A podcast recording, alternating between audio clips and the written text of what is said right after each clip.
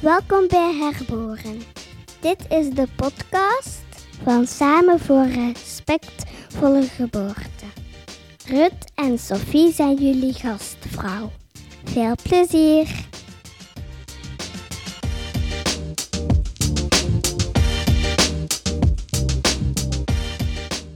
Het is al de laatste aflevering van Herboren vandaag. Welkom allemaal. Uh, ik zit hier vandaag gewoon met Ruud, met z'n tweetjes. En we hebben nog nooit zoveel werk gestoken in een aflevering. Want we zitten hier al een heel tijdje uh, van alle puzzelstukjes bij elkaar te steken. Wat we deze aflevering graag willen doen, is eens samen kijken naar al onze gasten, wat dat hun antwoord was op de vraag wat dat er nodig is voor meer respectvolle geboortezorg. En niet enkel het antwoord van onze gasten, maar ook het antwoord van, uh, van jullie via Instagram. Um, jullie hebben daar ook heel veel reacties op gegeven. En daar was een hele duidelijke rode draad in te vinden. Ja, ook in de antwoorden van onze gasten ziet je echt zo een paar thema's die telkens terugkomen. Um, we hebben er zin in en we hopen jullie ook dat het interessant kan zijn om dan een keer allemaal naast elkaar te horen. Het geeft wel ja, een overzicht, hè, Ruud? Om het zo naast ja, elkaar te Ja, ja, Absoluut, absoluut. En we hebben zelf ook wel een rode draad ontdekt die ik eerder nog niet had gezien. Als ik terugkeek naar seizoen 1, kijk, we zijn, we zijn begonnen aan onze podcast echt met het idee van kom, we gaan dit doen. En waar dit precies naartoe zal gaan, dat is nog heel onduidelijk. En uh, we hadden allemaal supercoole gasten en we waren gewoon al daarom heel blij. um, zonder dat we heel veel intentionele rode draden of verhalen daar hebben ingestoken of iets dergelijks. Maar als ik daar dan nu op terugkijk, dan zie ik wel van, oh, maar daar is echt wel een rode draad. En er zijn aspecten die meerdere mensen aanhalen op een andere manier. En ik denk dat om dat allemaal bij elkaar te zetten, dat ook wel een heel tof overzicht geeft van, alright, dit is wat we hier hebben gedaan dit seizoen. Um, en we gaan straks ook een klein beetje teasen naar seizoen 2, uiteraard. um, maar voor vandaag gaan we vooral afsluiten wat we allemaal hebben ontdekt met elkaar, hebben geleerd, hebben mogen luisteren, mogen zien van elkaar. En we beginnen met een fragmentje van een van onze um, vorige afleveringen en we gaan nog veel fragmentjes ertussen steken. Ik ga dat proberen. Hè. Als het dus mislukt is, beste luisteraars, dan... Uh, ja, dat weet ik niet zo goed. Dat zien we dan wel. Komt goed. We starten met fragment 1. Uh, eh, dat is een fragment van Julie. Julie heeft met ons gesproken over beeldvorming voornamelijk uh, van de barende vrouw, van de zwangere. Um, maar we gaan het haar zelf helemaal laten vertellen wat ze precies belangrijk vond in meer respectvolle geboortezorg. Ja, vanuit mijn eigen leefwereld zou ik natuurlijk zeggen dat we veel meer positieve geboorteverhalen moeten horen en lezen. En, ook gewoon meer visueel daarmee bezig zijn. Ik denk dat we, als we tonen wat een respectvolle geboorte kan zijn, en wat een, een geboorte kan zijn waarin dat de vrouw zich in, in haar kracht voelt, als je dat kunt zien voordat je gaat bevallen, denk ik dat dat je ook wel kan helpen om in je kracht te bevallen en meer op je strepen te staan als, als, als er iets gebeurt dat je niet wilt, bijvoorbeeld. Ik moet denken aan een mama die ik begeleid. Die, uh, ik vroeg haar, heb je eens gekeken naar een filmpje van een bevalling? En zij zei van, nee, dat wil ik niet, want ik wil daar nog geen beeld van vormen hoe dat, dat gaat zijn. Ik wil daar gewoon wat op mij af laten komen en zien, uh, zonder daar al te veel, ja, een soort droombeeld in te steken of mij daar al te veel aan vasthouden. Maar ik zei dan tegen haar van, je hebt daar al een beeld over en je hebt daar al een referentiekader over. Want we hebben allemaal al bevallingen gezien op tv, geanceneerde scènes natuurlijk. De meeste onder ons hebben geen echte bevallingen, uh, levensecht mogen meemaken en kijken niet zoals ik uh, tussendoor op een Instagram naar bevallingsfilmpjes. Uh, maar we hebben daar wel allemaal een beeld over um, door gewoon de, de, mainstream tv's en films. En dat is een heel dramatisch beeld. Hè? Dus ik vind het wel mooi dat jullie hier pleidooi houdt voor, ja, voor daar daarin juist een beter beeld te gaan steken. Omdat we dat allemaal meekrijgen en dat ons allemaal wel beïnvloedt. Dat onbewuste beeld dat je aanhaalt, Sophie, dat doet mij ook denken aan onze andere Sophie, die dat we hebben gehoord in onze afleveringen. Um, ik vond het toen al heel verwarrend over, om over jullie beiden te spreken. Ik vind het nog steeds. Um, maar onze gast Sophie um, vertelde hoe belangrijk het was om ons lijf terug te leren voelen. En niet alleen ons lijf, zat het dan vooral in die context van ehm, het, uh, het, normale dat eigenlijk een, een, een, zwangerschap en een bevalling kan zijn, uh, om dat zo wat terug te pakken. Um, maar ze zei ook van terug in contact komen met ons buikgevoel, dat dat zo belangrijk is om te leren vertrouwen op onszelf, dat we dat echt wel mogen. Ik denk uh, dat informeren echt een heel groot verschil zou maken. Zodat je... Maar en de informeren bedoel ik ook, zoals Ruud het daarnet zei, van kijk, dit zijn uw opties en dan kan je daar zelf over beslissen. Dat valt ook voor mij onder informeren. Um, en ik denk dat we ook collectief wel zo'n beweging moeten doen naar terug een beetje normaliseren wat het is. Het is zwanger zijn en het is bevallen. Um, het is niet ziek zijn. En het, pas op, ik ben het levende bewijs dat het ook heel veel mis kan gaan. Hè. Um, maar laten we dat proces, hoe wonderlijk dat het is, ook echt um, in zijn kracht zetten. Er, er zijn heel veel aspecten allee, die ons veel informatie ook geven over, over bevallen. Allee, eigenlijk, als je goed naar je lijf leert luisteren, leert luisteren, want niet iedereen leert dat natuurlijk, dan kun je daar echt superveel informatie uithalen in, in het bevallen zelf. Ook in het borstvoedingsverhaal of, of kraamtijd. Ja, en, weet je, baby's zijn geen mini-volwassenen. Baby's worden veel te vroeg geboren, omdat ze anders niet meer door dat gat geraken. Maar eigenlijk zijn die totaal nog niet klaar. Die moeten nog veel bij u zijn en uw hartslag voelen. En, en zo, daar zou ik wel in heel het, echt het hele verhaal van het prille begin tot het einde wel meer naar zo, ja, terug onze buik, wat meer onze buik, waar het allemaal gebeurt. Hè. Dat we die wat meer gaan vertrouwen. En, en het is fantastisch dat we zoveel hulp hebben en dat er zoveel medische kennis bestaat. Fantastisch. Maar die zijn niet de baas. Het is elke keer opnieuw een uniek verhaal van een mama en een kind en, en een partner en allee, alles wat dat daarbij hoort. En misschien een heel village in het beste geval uh, dat er nog bij hoort. Maar dat we dat verhaal toch... Ja, dat we gaan, gaan luisteren naar de verschillende stappen die daarin zitten. En ook meer voor de vroedvrouwen. Ik, ik vind dat jullie echt meer allee, geen bijrol hebben, maar een hoofdrol. Zowel voor, want allee, ook iets, bijvoorbeeld bij vroegzwangerschapsverlief kan je ook een beroep doen op een uh, vroedvrouw. Veel mensen weten dat zelfs niet. Um, dat soort dingen, jullie kunnen zoveel betekenen. Dus ja, meer waardering daarvoor ook. En dokters wanneer het nodig is. Wanneer het nodig is. Zodat ze ook hun goed kunnen focussen op die momenten dat ze nodig zijn en belangrijke dingen doen. Sophie vertelt dus over dat normaliseren en dat is ook iets dat in, sommige van jullie reacties terugkomt.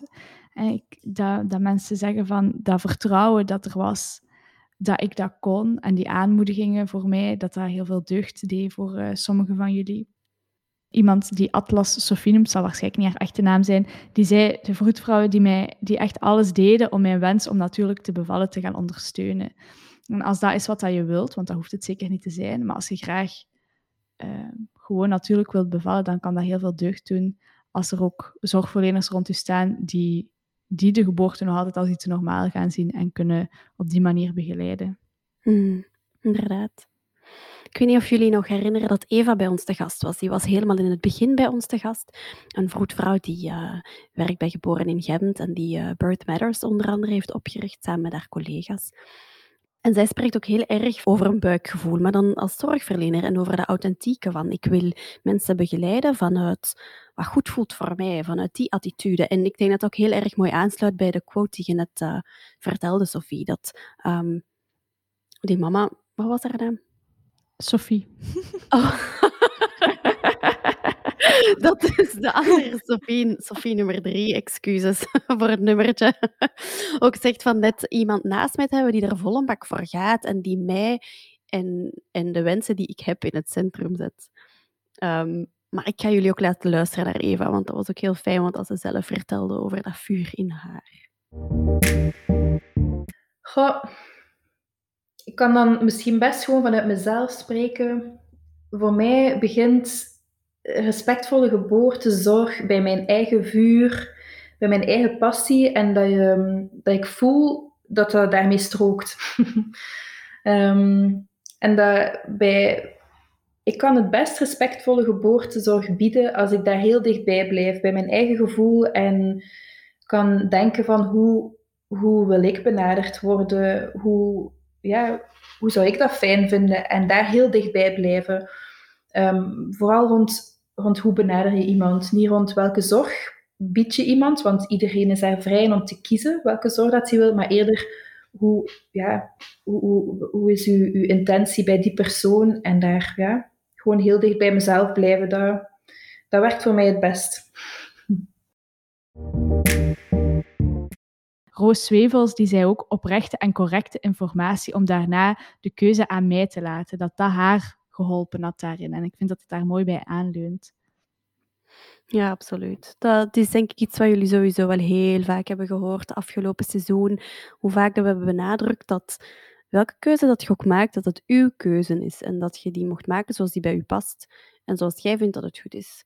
Ik hoop echt dat als je één ding meeneemt van heel deze podcast als ouder dan, dat het dat toch zeker ook zal zijn. Of dat dat is eigenlijk. Uh, dat jij kiest, dat jij het recht hebt om de keuzes te maken. Ja. En wat ik ook mooi vind, is dat Eva, die spreekt eigenlijk meer vanuit het perspectief van zichzelf als zorgverlener, als vroedvrouw. Um, wat dat met Jaisa ook gedaan hebt. En van haar hebben we nu zo geen fragmentje, uh, omdat heel haar onderwerp gewoon compleet verweven zat in de aflevering. Maar zij had het daar ook over, hè, over dat perspectief van die zorgverlener. En om als zorgverlener dicht bij jezelf te kunnen blijven. Um, om van daaruit verbinding te kunnen aangaan. Want wat wij bijvoorbeeld ook weten uit de studie van precies mensen na rampen, ongevallen of andere rampen, is dat uh, wat de gynaecoloog ook doet, hè, of wat er medisch ook moet gebeuren, uh, de persoon die leven redt. Dat kan medisch gezien de gynaecoloog zijn of de chirurg of zo. Maar uh, mentaal, psychisch is het de persoon die uw hand vasthoudt op dat moment. We hebben dat gezien na de aanslagen van Zaventem. Je kent die verhalen ook. Mensen gaan via de pers op zoek terug naar degene die hen geholpen heeft op dat moment op de meest menselijke manier. Die, en in uw beleving als uh, slachtoffer is dat de persoon aan wie dat je uw leven dankt. En niet degene die u dichtgenaaid heeft of, dit of dat gedaan heeft. Terwijl dat, dat is niet logisch. Hè? Heel dat team is verantwoordelijk. Maar je kunt echt verschrikkelijk veel betekenen. En ik denk dat dat ook dicht ligt bij de positie van een vroedvrouw. Als jullie bevallingen begeleiden die goed lopen en die fantastisch zijn, je wordt deel van de familie. Hè? Je hebt zo'n intense band. Ik kan me dat nog herinneren bij mijn thuisbevallingen en zo, dat ik dacht, mijn vroedvrouw die mag me gelijk wat vragen. Mijn gans leven lang, dat is familie voor mij. En je kunt dat ook in omgekeerde situaties creëren. Als het echt scheef loopt, misgaat, als er van veel, ja, als er van alles uh, verkeerd loopt, van dan dezelfde intieme, existentiële, diepe verbinding aan te gaan met de bevalling bevallende vrouw. Ik denk dat dat mogelijk is. Ik ben ervan overtuigd. Dat is een van mijn dada's ook. Hè, dat wij, wij, vinden elkaar. Allee, als je gelukkig bent en plezier hebt te samen, dat schept een hele diepe verbondenheid. Maar in de pijn kan dat ook. In de pijn kun je ook heel diep verbinden met mensen. En ja, daar pleit ik toch voor dat daar plaats voor gemaakt wordt op zo'n heilig moment als de bevalling. Hè.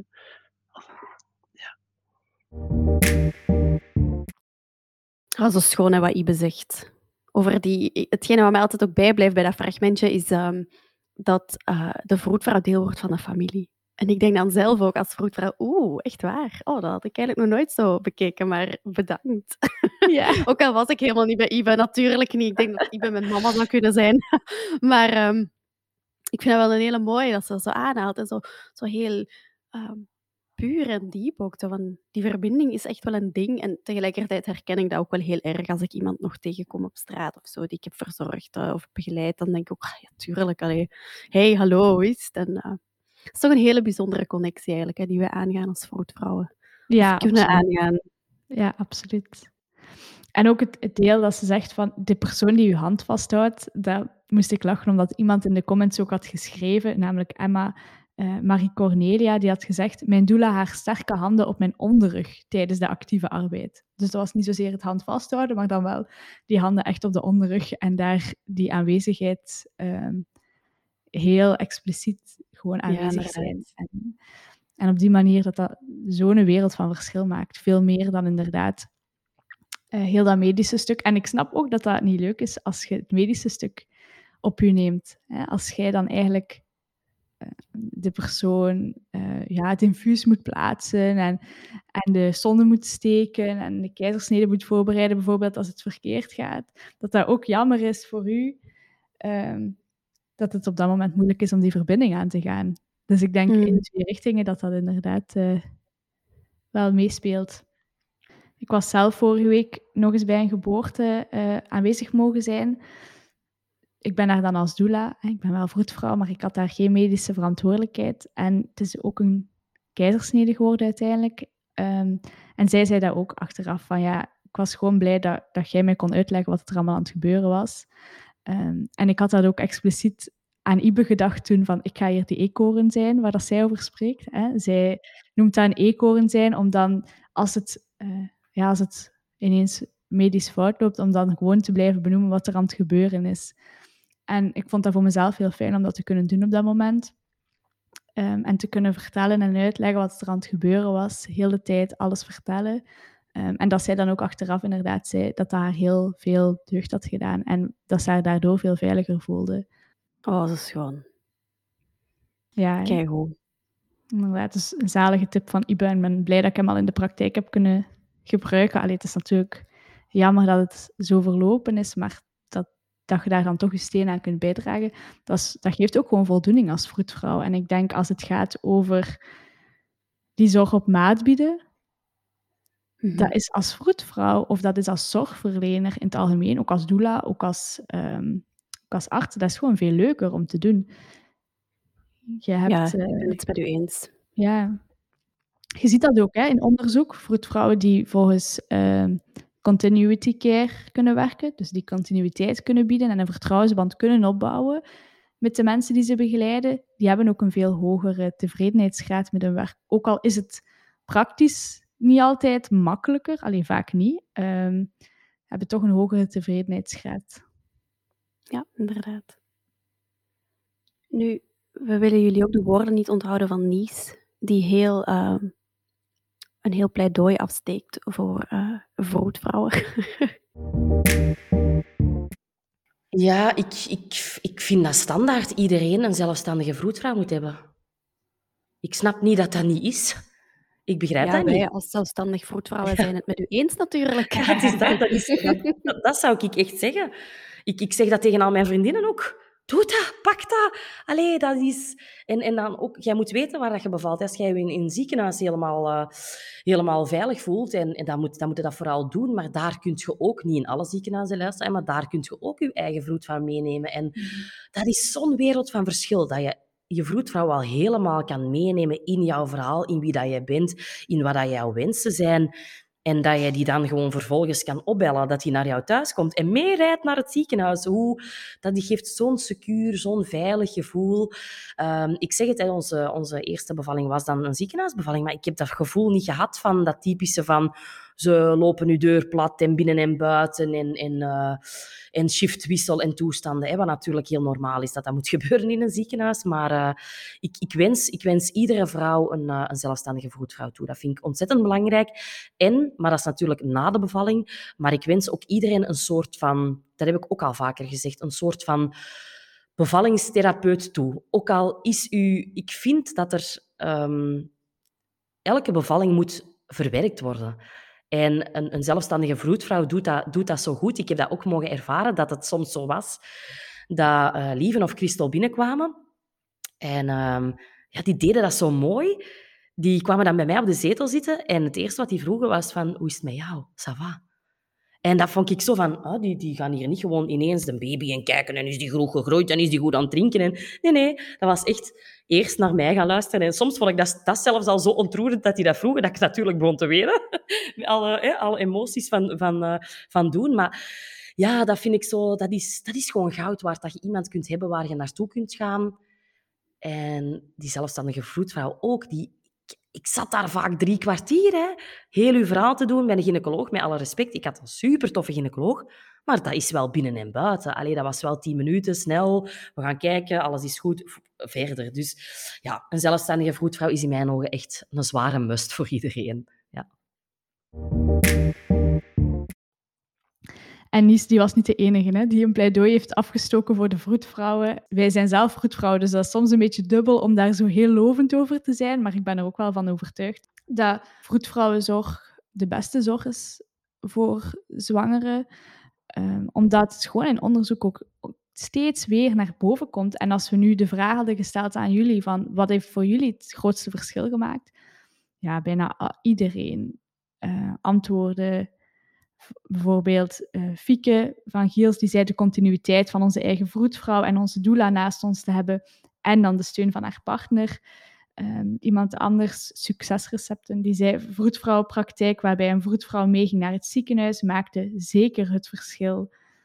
Uh, Alexis die zei ook onze eigen vroedvrouw die de zwangerschapsopvolging deed en aanwezig was in het ziekenhuis. Zij kent uw wensen en uw visie en maakt een wezenlijk verschil. En allee, het waren er heel veel. Ook gewoon sommige kort en bondig. Mijn fantastische vroedvrouw.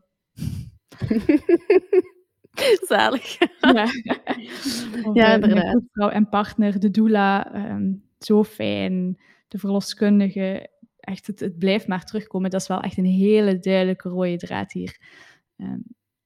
En allee, uiteraard is dat niet onze bedoeling om onszelf hier te verkopen, maar um, we zijn ook wel heel trots op ons beroep natuurlijk. En ik ja. kan me inbeelden dat dat ook wel ergens doorklinkt in hoe dat we onze podcast maken.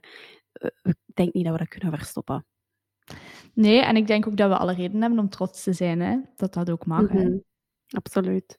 Dat is soms zo, misschien is dat iets vrouwelijk, hè? om dat niet goed te durven uh, in de verf zetten. Misschien is het daarom dat dat zo moeilijk gaat. um, hè? Maar, speculatie, hè? ik weet het niet. Maar um, ik denk als alle vroedvrouwen mannen zouden zijn, zou het misschien ook anders zijn. Of als het zo meer mannelijk beroep zou zijn, zou het misschien duidelijker zijn voor iedereen hoe waardevol dat was. Dat weet ik niet. Maar uh, ja, daar zit wel iets in, denk ik. Inderdaad. We gaan dat niet uitproberen. Prima.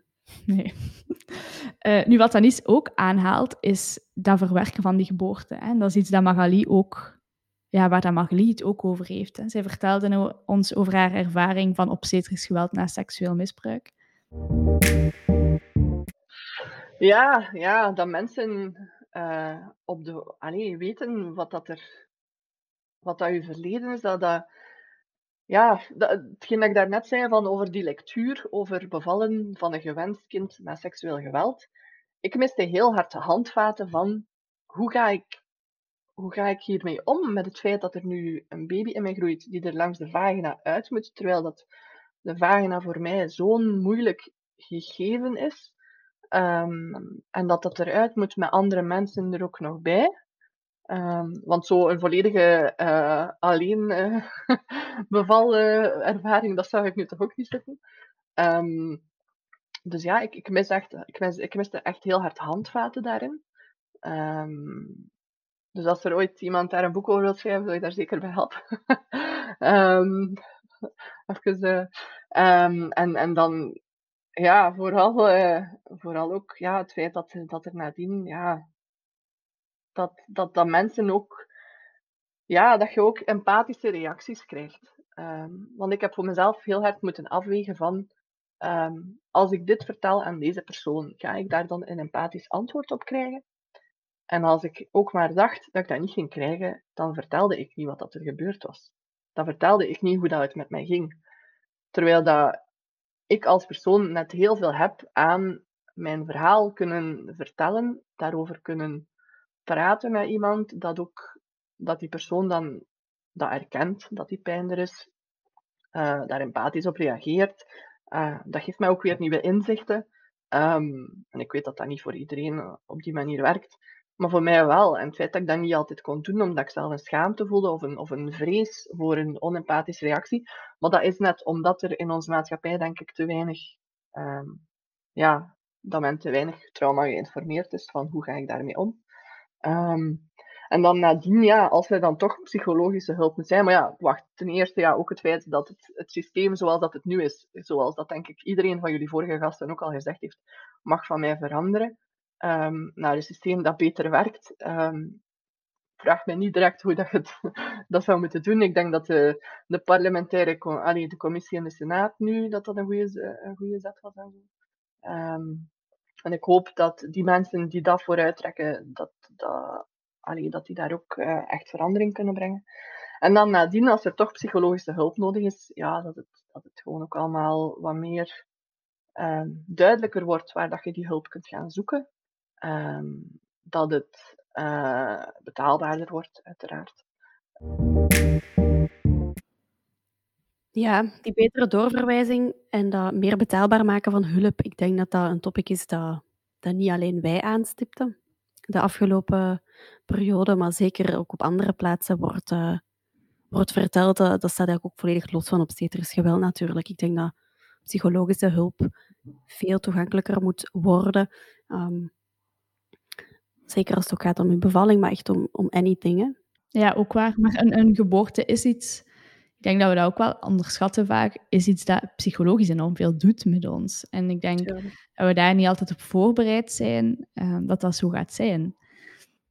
Dus inderdaad, die voorbereiding ook voor een stuk, maar ook die nazorg. Die nazorg en ook vooral, is iets wat je eigenlijk heel moeilijk kunt voorspellen. Ik denk mm. dat de, de, psychologische impact van een eerste bevalling um, zodanig onverwacht is op een bepaald level, dat je ook heel weinig, um, of toch misschien in retrospect minder onverwacht, hè, maar op het moment zelf denk ik dat dat, ja, ik weet niet of je daar echt op kunt voorbereiden. Ik was daar absoluut niet op voorbereid en van alle mama's die ik ken zeggen hetzelfde. Is dat een relevante steekproef? Ik weet het niet, maar uh, het zegt toch iets. Ah, ik ben nu een boek aan het lezen. Nog een boekentip voor ah, ah, een boek. Beyond the Bird Plan van Rhea Dempsey. En um, dat is eigenlijk het allermeest psychologisch voorbereidende bevalboek dat ik al in mijn handen gehad heb. Dat gaat echt heel diep in op um, ook bijvoorbeeld hoe dat je, wat dat je attachment style is. Ik weet nu even het Nederlands niet. Gehechtingsstijl? Ja, je hechtingsstijl. Hechtingsstijl, um, zoiets. Uh, wat dat u, ja, hoe dat je normaal reageert op stress, welke impact dat, dat heeft tijdens de geboorte, hoe dat je daarop kunt voorbereiden, dat is echt uh, wel heel diepgaand. Dat is wel leuk. Zwaar, maar ik, heb, ik moet eerlijk bekennen dat ik maar heb ontdekt hoe ik zelf gehecht ben als kind door te bevallen. Ja. Omdat dat zoiets diep in mij had losgemaakt, dat ik toen pas door had, hmm, dat is niet helemaal gelopen hoe het moest lopen eigenlijk. Dat was niet helemaal veilig. Ik ben niet helemaal veilig gehecht. En ik weet ook niet of ik dat op voorhand had kunnen inschatten, om eerlijk te zijn, omdat ik nog nooit door zo'n diepgaand psychologische overgang was gegaan dan bij de geboorte van mijn eerste kind. Ja. En het is ook toen dat dat zo helder werd van wow, hier is het een en het ander fout gegaan. Maar moest je dat wel kunnen inschatten op voorhand? Dat is ja, geniaal. Ik bedoel, dan, dan heb je al wel een clue. Aan de andere kant, in hoeverre kun je daar nog veel mee doen op dat moment? Nu, ik denk wel veel hoor. Ik denk als je daar bewust van bent, dat alleen al, het feit dat je daar bewust van bent, dat doet wel veel. Um, om, dat, volgens mij geeft dat ook wel een soort houvast. Het feit dat je weet van, ik reageer daarom, daarom. Mm -hmm. Of ik reageer daarom op deze manier en dat heeft daarmee te maken, maar eigenlijk is dat niet relevant in deze situatie. En zo dat, dat rationeel proces, ik denk dat dat ook wel kan helpen voor die emotionele veiligheid op dat moment. Het is een kader. Ja, plus ik denk ook dat in het ideaal scenario uh, ook meer dat psychologische meeneemt tijdens de zwangerschap. Mm -hmm. Ik denk dat dat ook een van de redenen is waarom dat, dat zo vaak terugkomt in onze reacties, is omdat die daarvoor voor een groter stuk gaan doen dan de gynaecologen, met alle respect, maar omdat zij ook maar veel korter de tijd hebben om daarop in te gaan. Mm -hmm. Ja, wat Nies ook aanhaalt, inderdaad. Klopt, ja. klopt helemaal. Ja. Wat daar hier ook mooi bij aansluit, was de reactie van Anne-Marijn. En die zei dat de vroedvrouwen die vooral spreken vanuit vertrouwen in het lichaam en die consent vragen voor de kleinste dingen, zowel tijdens de zwangerschap als tijdens de bevalling als postpartum. Bijvoorbeeld, is het goed als ik even aan de baarmoeder, uh, of is het goed als ik even aan je buik voel om te kijken tot waar je baarmoeder komt? Is het oké okay als we nog eens luisteren naar het hartje? Ehm, na, na de volgende week, maar dat snap ik niet zo goed, ehm, die mij de kans gaven om te groeien in mijn moederrol, die alle emoties normaliseerde. En wat beter had gekund, dat zegt zij ook, was de screening op depressie postpartum. Ik heb zelf pas te laat beseft hoe niet oké ik eigenlijk was, zeker na de eerste bevalling. Ik denk Mhm. dat dat ook een heel gedeelde ervaring is. Ja, absoluut. Ik deel die helemaal. Ik heb ontdekt na 15 maanden dat ik dus zwaar depressief was. Als in, ik dacht heel vaak aan zelfmoord. En ehm, ik had eigenlijk helemaal niet door hoe vreemd dat was. Totdat een vriendin van mij zei, ik denk aan zelfmoord en dat is niet oké. en ik, ik, ik ga hulp zoeken. En het is toen dat ik besefte, wacht, wacht, wacht. Dat is inderdaad niet normaal aan zelfmoord denken. Dat is helemaal niet normaal. Misschien scheelt er wel iets. Maar toen was mijn dochter 15 maanden en dat is laat om zoiets te ontdekken. Ja. Heel laat. Ehm, ik heb dan gelukkig wel zelf snel hulp gevonden, die mij er ook relatief snel dat ergste, die, er- die, dat diepste dal heeft eh, doen uitklimmen. Maar eh, Waar dat ik nu ook aan moet denken, is dat je soms zo van die lijstjes hebt voor postpartum depressie te screenen. Mhm. Nu, dat kan natuurlijk een handig hulpmiddel zijn, maar ik denk als je ehm, een vertrouwensband hebt vanuit de zwangerschap al, van tijdens de geboorte, met je vroedvrouw, en die is daar ook nog postpartum, om daar, en heeft de ruimte en neemt de ruimte voor het psychologische aspect daarvan, doordat zij u al kent, gaat zij dat normaal gezien ook veel sneller kunnen oppikken als het niet zo goed gaat met u. ja, inderdaad. Waar trouwens Maddie het ook over heeft tijdens de aflevering. We hebben ook van Maddie geen fragment om dezelfde reden als met Jaisa, omdat het heel de aflevering lang eigenlijk ging over hoe kunnen we meer respectvolle zorg bieden. Daar één dingetje uitpikken was niet zo evident, dus hebben we gelaten. Ehm, maar Maddie zegt ook van, kies je eigen zorgverlener. Dat is echt wel wat je mocht doen, want als je goed voelt bij je zorgverlener, dan is het veel gemakkelijker om die vertrouwensband op te bouwen en is het ook veel makkelijker om dingen aan te kaarten, maar is het ook voor je zorgverlener minder, eh, of is is het gemakkelijker voor je zorgverlener ook om ehm, op te pikken als het niet zo goed gaat met u? Ja. Eh, om dingen ook bespreekbaar te maken vanuit die kant. Want het bespreekbaar maken van ik voel me niet goed, is ook helemaal niet zo makkelijk.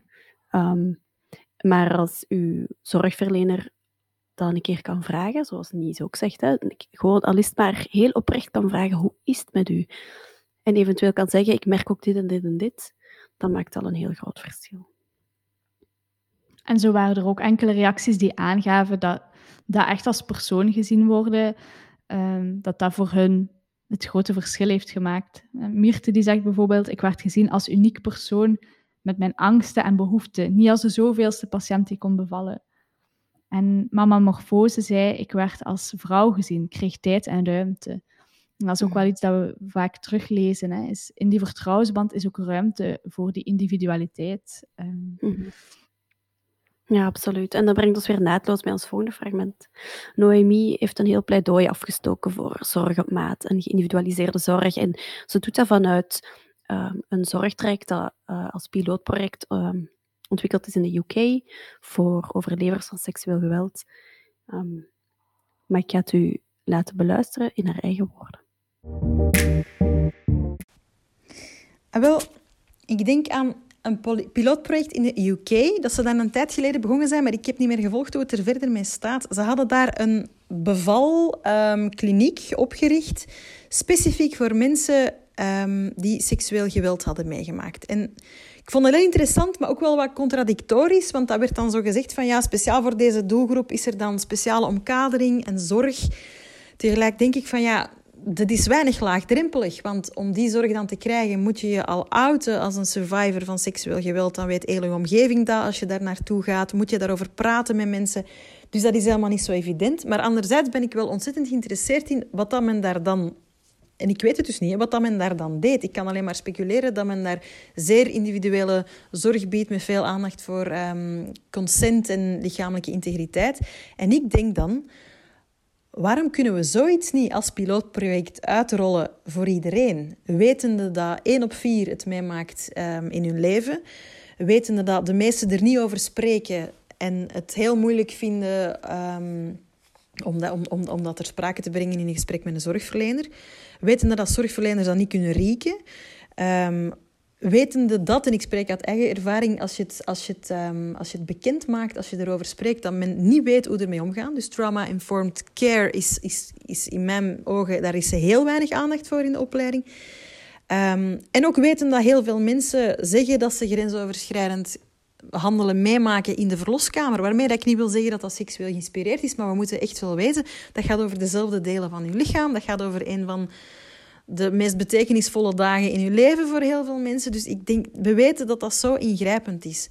Dit soort projecten is het mogelijk om dat uit te dragen voor iedereen. Dat lijkt mij ontzettend belangrijk. Ik denk dat we ook op die manier kunnen komen tot geïndividualiseerde zorg. Want als ik daar straks zei van ik denk dat het heel belangrijk is om geen oplossingen te, te zoeken, geschoeid op de lijst van de demografie van de meeste geboorteactivisten die, die, of die het, meest, het, het meeste podium krijgen. Dat zijn de, de, mensen zoals ik, de witte middenklasse hoogopgeleide mensen, ik zal het nog eens zeggen.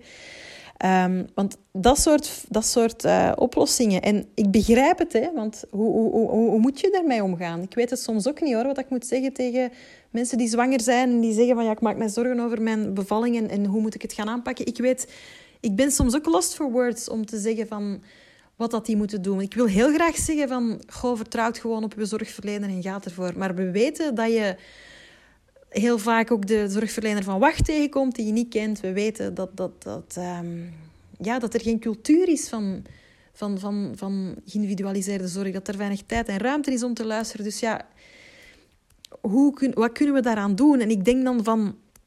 Onze oplossing vandaag is om tegen elkaar te zeggen van wapen u met informatie. En er zijn mensen die, dat, dat ik zeg het, je kunt een, een half doctoraat bij elkaar researchen over geboorte, maar dat vraagt ontzettend veel kapitaal. Dat, dat vraagt, dat vraagt um, ja, hoe moet ik dat zeggen? Dat, dat, vraagt, dat vraagt het kapitaal om, om, om dat te kunnen lezen op internet. Want internet is gratis, maar je hebt wel een verbinding nodig en je moet de taal spreken en je moet het allemaal, die informatie maar kunnen vinden en je moet daar de tijd voor hebben. Als je twee verschillende jobs werkt als single moeder, lukt dat bijvoorbeeld ook niet. En ik wil ook niet dat mensen zich moeten wapenen. Ik vraag me af, kunnen we het omdraaien en onszelf niet als centrum nemen, niet, het, niet centraal stellen? En kunnen we misschien als, als als, als basis voor ons geboorteactivisme kunnen we misschien vertrekken vanuit een jong iemand die, die zwanger is, die een vluchtverhaal heeft, die de taal niet spreekt, die niemand kent en die verschijnt op de drempel van een ziekenhuis, die um, geen prenatale zorg heeft gehad, die geen affirmaties heeft, die niet veel gelezen heeft over bevallen, die weeën heeft en, die bang is en die zich alleen voelt. Kunnen we daar vertrekken? Wat heeft die nodig? Wat kunnen we voor zo iemand doen? Hoe kunnen we voor um, zo, iemand die ik net beschreef, een zwangere die ik net beschreef, en er zijn er tal van anderen die hun eigen noden zullen hebben, maar hoe kunnen we vanuit de meest kwetsbare mensen vertrekken en hoe kunnen we hen warme, respectvolle, niet overschrijdende zorg bieden? Wat voor een omgeving hebben we daarvoor nodig? Ik denk als we daar vertrekken, dat het voor iedereen goed zal zijn. iets wat, ook, iets wat ook terugkomt bij zowel Noemi als Magali, als natuurlijk Ibe, is dat trauma-informed stukje. En dus dat je je bewust bent van dat heel veel mensen trauma met hun meedragen, vanuit seksueel geweld of vanuit hun jeugd, vanuit een, een levensloop. En om daar ook respectvol mee om te gaan. En ehm, dan vond ik de reactie van Stefanie Panke super mooi, want die zei dat daar verloskundigen altijd gevraagd heeft of dat hij mocht voelen hoe ver dat ze was. Um, en haar nadien ook de tijd gaf om daarover na te denken. En ik was zelf verbaasd als ik dat hoorde, want dat gebeurt eigenlijk weinig. Hè? Dat daar ook echt, echt die ruimte voor wordt gecreëerd om daarbij stil te staan. En dat het niet gewoon snel even vragen voor de vorm is van eh, ik ga nu een vaginaal onderzoek doen, is dat oké? Mhm, en voilà. Mhm. Terwijl dat je eigenlijk je handschoen al aan hebt. Ja, klopt. In hoeverre is dat een oprechte vraag? Ja. ja en ook Katrien Hendricks die zei hetzelfde, van de vroedvrouw die steeds mijn toestemming vroeg vooraleer ze een handeling ging doen. Hmm. Dat lijken kleine dingen, maar zoals dat Magali zelf aangegeven heeft, ook in haar verhaal, dat maakt een wereld van verschil. Had de gynaecoloog haar toen gevraagd of het oké was als die een knip had gezet, dan had zij geen, geen trauma opgelopen van die ervaring. Terwijl het feit dat dat niet gevraagd is geweest en zelfs niet benoemd is geweest, voor haar um, ja, wel heel traumatisch was. Zeker met haar verleden van seksueel geweld en van Zij had zelfs benoemd dat er seksueel geweld was in haar geschiedenis, terwijl dat heel veel vrouwen dat niet doen. Hè. Zoals dat Noemi ook benoemt, van, van heel veel vrouwen weet je dat gewoon niet, dat ze seksueel geweld hebben meegemaakt. Dus we moeten er gewoon van uitgaan dat iedereen dezelfde zorg verdient als iemand die, ehm, die dat wel heeft meegemaakt. En dat is echt heel... Dat is zorg op maat met een vertrouwensband en met heel veel ruimte en tijd voor beslissingen te maken op basis van de informatie die ze krijgen. En dat sluit eigenlijk ook heel mooi aan met wat je net zei over die uh, hechting. Want een hechtingstrauma en een seksueel trauma heeft emotioneel een heel gelijkaardige impact. En hechtingstrauma, ik, weet eigenlijk niet wat de cijfers daarover zijn. Ik denk dat die nogal wisselend zijn. Dat is hetgene wat ik daar vooral van heb onthouden, de tijd dat ik daar veel mee bezig was.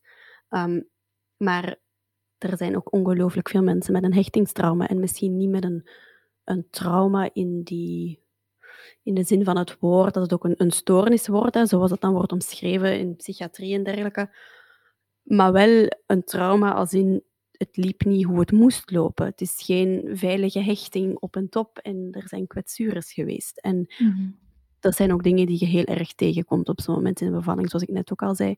En door die zorg op maat echt te voorzien om iemand te bekijken zoals die is, ervan uit te gaan dat er dingen zijn die iemand meedraagt, zonder dat te dramatiseren, maar gewoon, hey, we zijn allemaal mensen en we dragen allemaal dingen met ons mee in meer of mindere mate, gaan we zorg geven die, die past bij die persoon en, en die ervoor zorgt dat die persoon een, een, een ervaring krijgt rond die bevalling, rond die zwangerschap, waar dat die goed of positief op terugkijkt, zonder dat het per se een positieve ervaring moet zijn, zonder dat het per se een positieve bevalling moet zijn, in die zin van alles ging supervlot en netjes, of wat dan ook.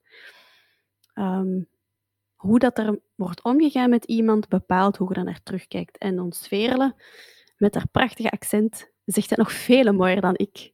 Dus die wil ik jullie zeker niet onthouden. Wat ik ook probeer mee te geven aan ouders is van waar je bevalt. Of dat nu thuis is, of in een ziekenhuis, of ergens in de bosjes. Ik zeg er altijd zo bij, niet dat ik mensen ga stimuleren om in de bosjes gaan te bevallen. En met de locatie waar je bevalt, eigenlijk maakt dat niet uit. Of dat je nu ehm, met of zonder een epidurale bevalt. Dat maakt niet uit. Zelfs niet of je met een keizersnede bevalt. Dat gaat niet bepalen hoe je terugkijkt naar een geboorte. Maar de manier waarop de mensen met u zijn omgegaan. Dat is hetgeen wat gaat bepalen hoe je terugkijkt naar die geboorte. Ruud, ik hoop dat het gaat lukken om deze aflevering te editen. Want het is. Uh, we hebben echt van alles gezegd door elkaar. En er zal veel knip- en plakwerk aan zijn. Maar ik hoop ook dat het voor onze luisteraars wel een interessante aflevering is geweest. Om ons eerste seizoen van Naar Boren mee af te sluiten. We gaan nu een korte pauze nemen. We gaan daar niet direct een tijd op plakken, ehm, gewoon totdat we klaar zijn. En dan komen we naar jullie met seizoen 2. En daarvoor gaan we het iets intentioneler aanpakken qua rode draad, ehm, waar we kei veel zin in hebben. Gaan we daar al een beetje over vertellen, Ruud? Ja, tuurlijk. We willen graag met jullie onderzoeken welke elementen, welke perspectieven er allemaal zijn als het gaat om obstetrisch geweld en vooral over respectvolle geboorte. We proberen het hier positief te houden um, en dat willen we zeker doortrekken. Maar wie heeft, speelt er allemaal een rol als het gaat om die respectvolle geboorte? En we willen dat een beetje explicieter maken. We willen het perspectief aanhalen van de ouders, maar ook van de baby, want daar hebben we het nu nog helemaal niet over gehad afgelopen seizoen. We willen het perspectief aanhalen van de zorgverleners met hun eigenheid, van vroedvrouwen, doula's, huisartsen, gynaecologen, maar ook het onderwijs en de academische wereld en de politiek en iedereen, alle actoren in grote lijnen dan toch, die een rol spelen bij die respectvolle zorg. We hebben echt al een paar super toffe gasten op de lijst staan. Uiteraard. Hè. uh, maar daar gaan we nog niet al te veel over prijsgeven. Dat komt wel zachtjes aan via Instagram, hoop ik.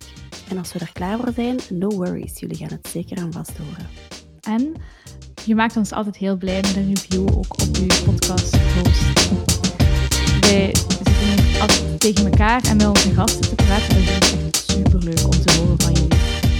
Dus laat een reactie achter en deel, deel de podcast ook met andere mensen die je denkt dat zou kunnen interesseren. Zodat ons, onze boodschap over kijken ook zo ver mogelijk kan verspreiden. En op die manier zoveel mogelijk mensen mag inspireren. Kan ons Zowel ouders als zorgverleners. Dat kan ook Inderdaad. En ik wil nog samen één, afsluitende toevoegen. We zijn dus vol een bak aan het plannen wat seizoen Tot de 2 zal zijn. Dat is bij deze wel duidelijk. Maar stel dat je nog een suggestie hebt van de gast als aarzel niet om het ons te laten weten, want echt, we het super. Bedankt dat jullie bij ons waren het afgelopen seizoen.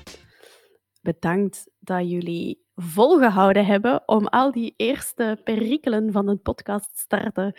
Um, die zijn er toch een beetje uitgegaan.